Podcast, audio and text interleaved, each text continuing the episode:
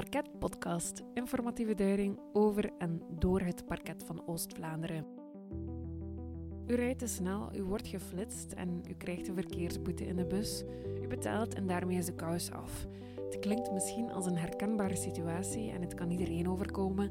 Maar wat als u het vergeet of als u weigert te betalen? Dan moet u voor de politierechtbank verschijnen. Maar hoe gaat dat dan in zijn werk? Mijn naam is Alexandra Verhagen en vanuit het gerechtsgebouw in Gent is dit Parket Podcast. In deze vijfde aflevering is politierechter meneer Stijn van Tichem te gast. Welkom.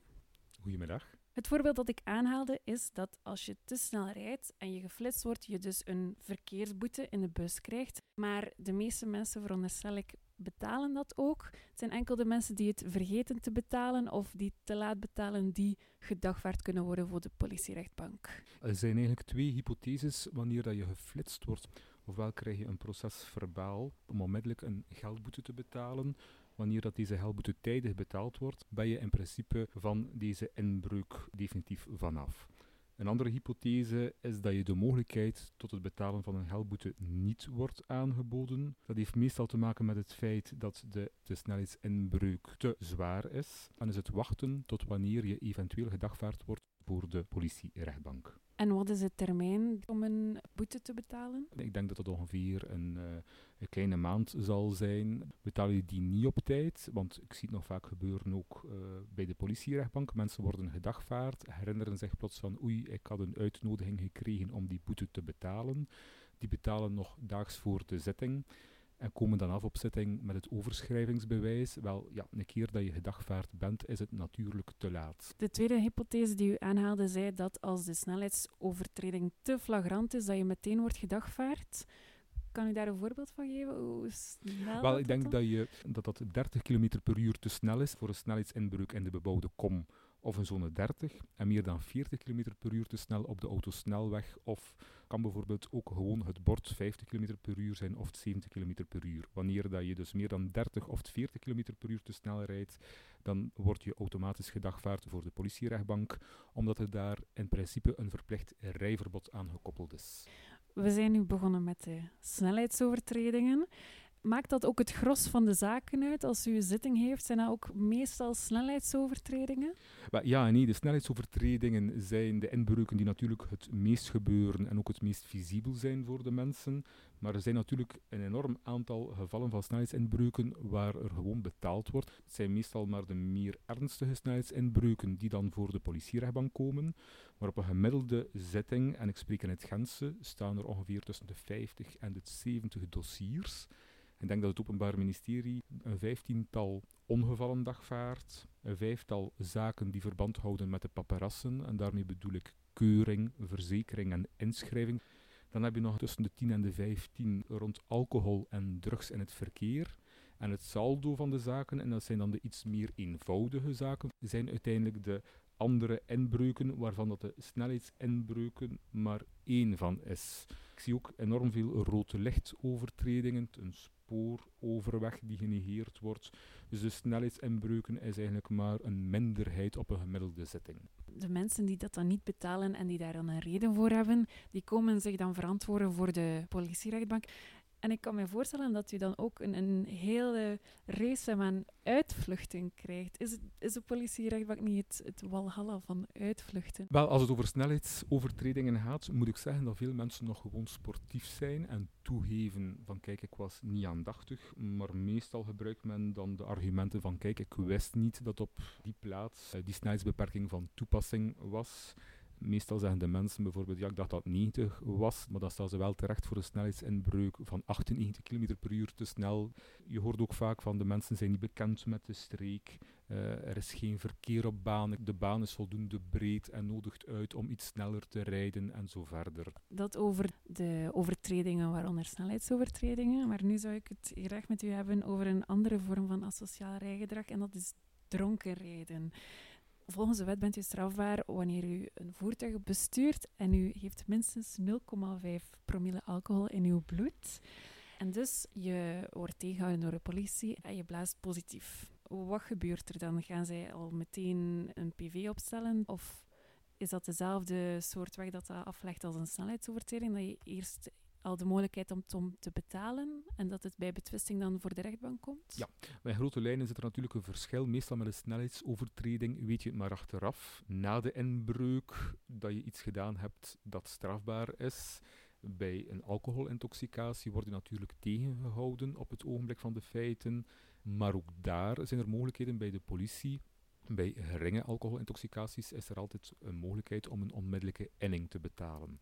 Wanneer dat het procesverbaal uiteindelijk bij het parket zou komen, wanneer dat er geen onmiddellijke inning is betaald, heeft het parket ook altijd de mogelijkheid om alsnog een voorstel tot betaling van een geldboete over te maken. De echt zware alcoholintoxicaties worden uiteraard gedagvaard. En voor een alcoholintoxicatie kan u dus onder andere een geldboete opleggen. En u zei het daarnet ook al, rijverboden. Dat is ook een straf die uitgesproken kan worden. Maar het is niet zo, ik stel dat je dan met de auto naar de rechtbank gaat, een rijverbod gaat niet onmiddellijk in. Dat wordt dan opgelegd en dan moet u zelf nog uw rijbewijs gaan inleveren. Hoe, verloopt dat juist? Wel, wanneer dat de rechter inderdaad een rijverbod uitspreekt en wanneer dat de mensen in persoon zijn, geef ik dat ook nog eens mee, want niet iedereen is daar zo mee vertrouwd. Dat rijverbod gaat natuurlijk op dat ogenblik nog niet in. Het is ook nog geen definitief vonnis. Met andere woorden, je kunt binnen de 30 dagen altijd in beroep gaan tegen een vonnis op tegenspraak. Dus bent u niet eens met het oordeel van de rechter, die u bijvoorbeeld heeft veroordeeld tot drie maand rijverbod, kunt u perfect in beroep gaan en in afwachting daarvan zal het rijverbod niet worden uitgevoerd.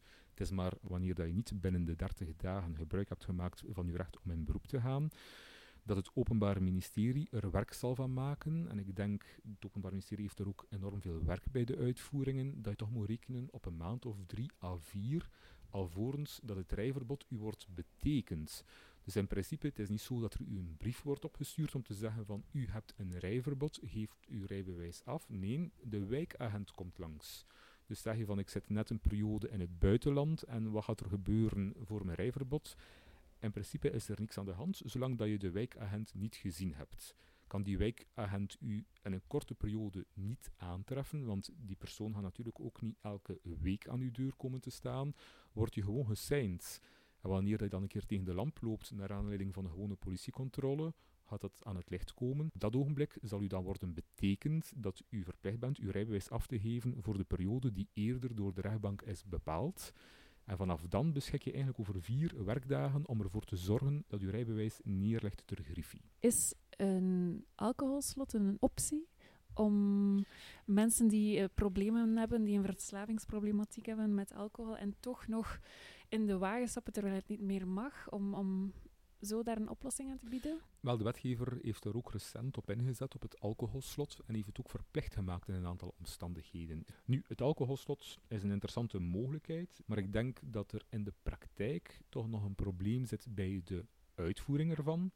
Want het is enorm duur, het alcoholslot. Ik denk dat je moet rekenen op een installatie en uiteindelijke kost van het omkaderingsprogramma, want het is niet enkel het alcoholslot, maar je moet ook een bepaald omkaderingsprogramma volgen dat je moet rekenen tussen de 3 à 5.000 euro. Dus nu heeft u de mogelijkheid om een alcoholslot als straf op te leggen. En doet u dat vaak? Ja, ik kijk naar de persoon in kwestie. Ik ga niet standaard een alcoholslot opleggen. Voor mij is het belangrijkste om te weten, is dat een eenmalige uitschuiver of heeft die persoon een bepaald probleem? Wanneer dat het een eenmalige uitschuiver is geweest, dan probeer ik als rechter alsnog de mogelijkheid te bieden om daarvan af te wijken, omdat ik weet dat het een grote kost met zich meebrengt. Maar het is à la tijd du client, om het zo te zeggen, waarbij dat je als rechter dus echt probeert dat individu voldoende in te schatten. We hebben nu al een aantal straffen overlopen hier in de politierechtbank. We zijn begonnen met de geldboete, het rijverbod. Uh, we hebben het ook even gehad over het alcoholslot. En nu is ook de vraag, kan je in de politierechtbank ook een gevangenisstraf oplopen? Ja, absoluut. Ik denk dat er ook een evolutie is in geweest, dat veel collega-politierechters nu al teruggrijpen naar de gevangenisstraf. Dat kan natuurlijk niet voor elke inbreuk op een snelheidsovertreding, heeft de wetgever de mogelijkheid niet voorzien, maar voor heel wat andere inbreuken is dat wel. En ik denk dan bijvoorbeeld, iemand stuurt zonder rijbewijs of stuurt spijtsverval. Daarop is er een gevangenisstraf voorzien. Eh, en denk ik, kun je soms niet anders als rechter, wanneer dat iemand hem voor de zoveelste keer bezondigt aan dezelfde inbreuk, waarbij dat je als rechter een rijverbod uitspreekt en die persoon houdt zich daar niet aan, is dat vaak het ultimum remedium om te zeggen tot hier en niet verder. En een groot verschil tussen de politierechtbank en de correctionele rechtbank is, u zei het daarnet, u heeft een 50 al 70 zaken op zitting, is dat er ook al meteen op zitting kan gevonnist worden. Ja, dat is zogenaamd uitspraak op de banken. En dat gebeurt eigenlijk in de minder complexe verkeerszaken. Dus zaken waarvan dat je zegt, ik heb het dossier gelezen, ik heb het pleidooi gehoord van de advocaat of die persoon in kwestie, en ik ben voldoende geïnformeerd om daar al, al onmiddellijk een straf op te kleven. Dat is geen verplichting voor de rechter om dat onmiddellijk te doen. Ik kan dat perfect in beraad nemen en daar nog een weekje tot zelfs een maand over nadenken. Maar ik vind het zeker voor de politierechtbank een zeer goed signaal wanneer dat je als rechter onmiddellijk die straf kunt uitspreken. Zeker wanneer dat die persoon ook aanwezig is, dan weet hij ook waaraan hij toe is. En ga je misschien ook een sensibiliserend of een meer sensibiliserend effect hebben wanneer dat hij onmiddellijk, wanneer dat de zaak behandeld is, dat hij zijn uitspraak kent. En ik kan dan ook al bepalen van, kan ik mij vinden in die straf? Of wil ik eventueel nog in beroep gaan? Het verbaast mij eigenlijk dat u nog een, een zeer grote informatieve functie heeft als politierechter om, om mensen te zeggen van kijk, u moet niet nog een, een brief verwachten zoals een, een verkiezingsoproeping. Gaat meteen in de beroepstermijn. En het verschil is ook, iedereen kan een overtreding begaan, al dan niet moedwillig. En ook, ik denk dat het publiek in een politierechtbank een, een doorsnede is van de samenleving. Zeer divers. En toch is er daar nog zoveel onduidelijkheid over, terwijl iedereen echt perfect gedagvaard kan worden. Ja, iedereen kan gedagvaard worden voor de politierechter. En nu zijn we bezig om te spreken over de politierechter zoals dat de meeste mensen zich voor de geest halen, zijn de politierechter die zetelt in zijn hoedanigheid van strafrechter. Wat er veel mensen niet voldoende beseffen, denk ik, is dat de politierechter nog een tweede belangrijke rol heeft. Dat is zijn hoedanigheid van burgerlijke rechter. Dus je kunt perfect zelf als slachtoffer van een verkeersongeval de vermoedelijke aansprakelijke van het ongeval dagvaarden voor de politierechtbank, waarbij dat u een bepaalde schadevergoeding vordert. Bijvoorbeeld, men heeft tegen uw voertuig gereden, uw spiegel is beschadigd, eh, de verzekeringen komen er niet uit onder elkaar, er is discussie over wie dat er aansprakelijk is voor het ongeval, en de politierechter oordeelt dan in zijn hoedanigheid van burgerlijk rechter, zonder dat er daar een openbaar ministerie aan te pas komt. Het is heel belangrijk dat u nog eens die nuance aanbrengt, dat u als politierechter eigenlijk twee luiken, ja, twee klopt. petjes heeft. En moet u zelf nu uw politierechter bent, maar ik mag dat ook zeggen, u bent vroeger ook substituut op het politieparket Ja. geweest.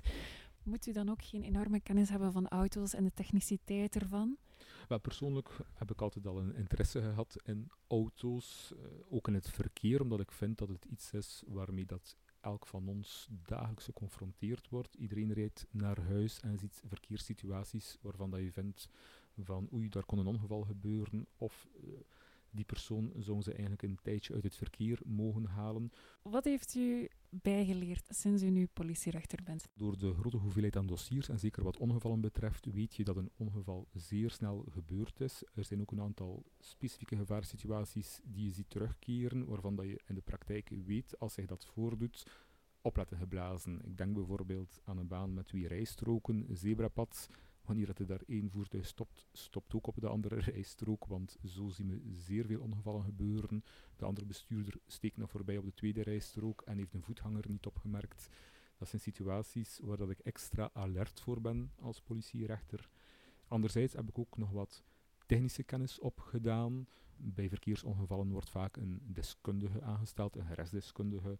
Wel, dan eh, leer je heel wat bij over bijvoorbeeld de remafstand, de botsingssnelheid en zo verder. Maar anderzijds ook voor mensen die kampen met een bepaalde verslavingsproblematiek worden er ook deskundigen aangesteld. En sinds kort ben ik ook een specialist in het ontleden van bloedwaarden. En wat bedoelt u daar dan mee? Aan bepaalde markers in het bloed kun je perfect zien of dat er iemand een bepaalde verslavingsproblematiek Ah, heeft. Haaranalyses en zo verder. Een chemicus of een, een biomedicus in de Ah, wel, opleiding geworden? Met de eerste stapjes daarin. ehm, het voordeel is dat de deskundigen dat ook zeer goed motiveren en daar ook de onderliggende wetenschappelijke uitleg voor geven. Ik denk dat ik hiermee al een heel stuk heb bijgeleerd over de politierechtbank. En daarom wil ik u ook hartelijk bedanken voor uw tijd en voor al uw uitleg, heel technische uitleg soms ook. En dan wens ik je nog heel veel succes met alle vonnissen die nog waarschijnlijk nu op u liggen te wachten. Ja, het gerechtelijk verlof komt eraan, of we zitten eigenlijk strikt genomen in het gerechtelijk Ja. verlof en er moet nog een en ander afgewerkt worden. Voilà, dan ga ik u daar de tijd toe laten. Hartelijk bedankt. Graag gedaan.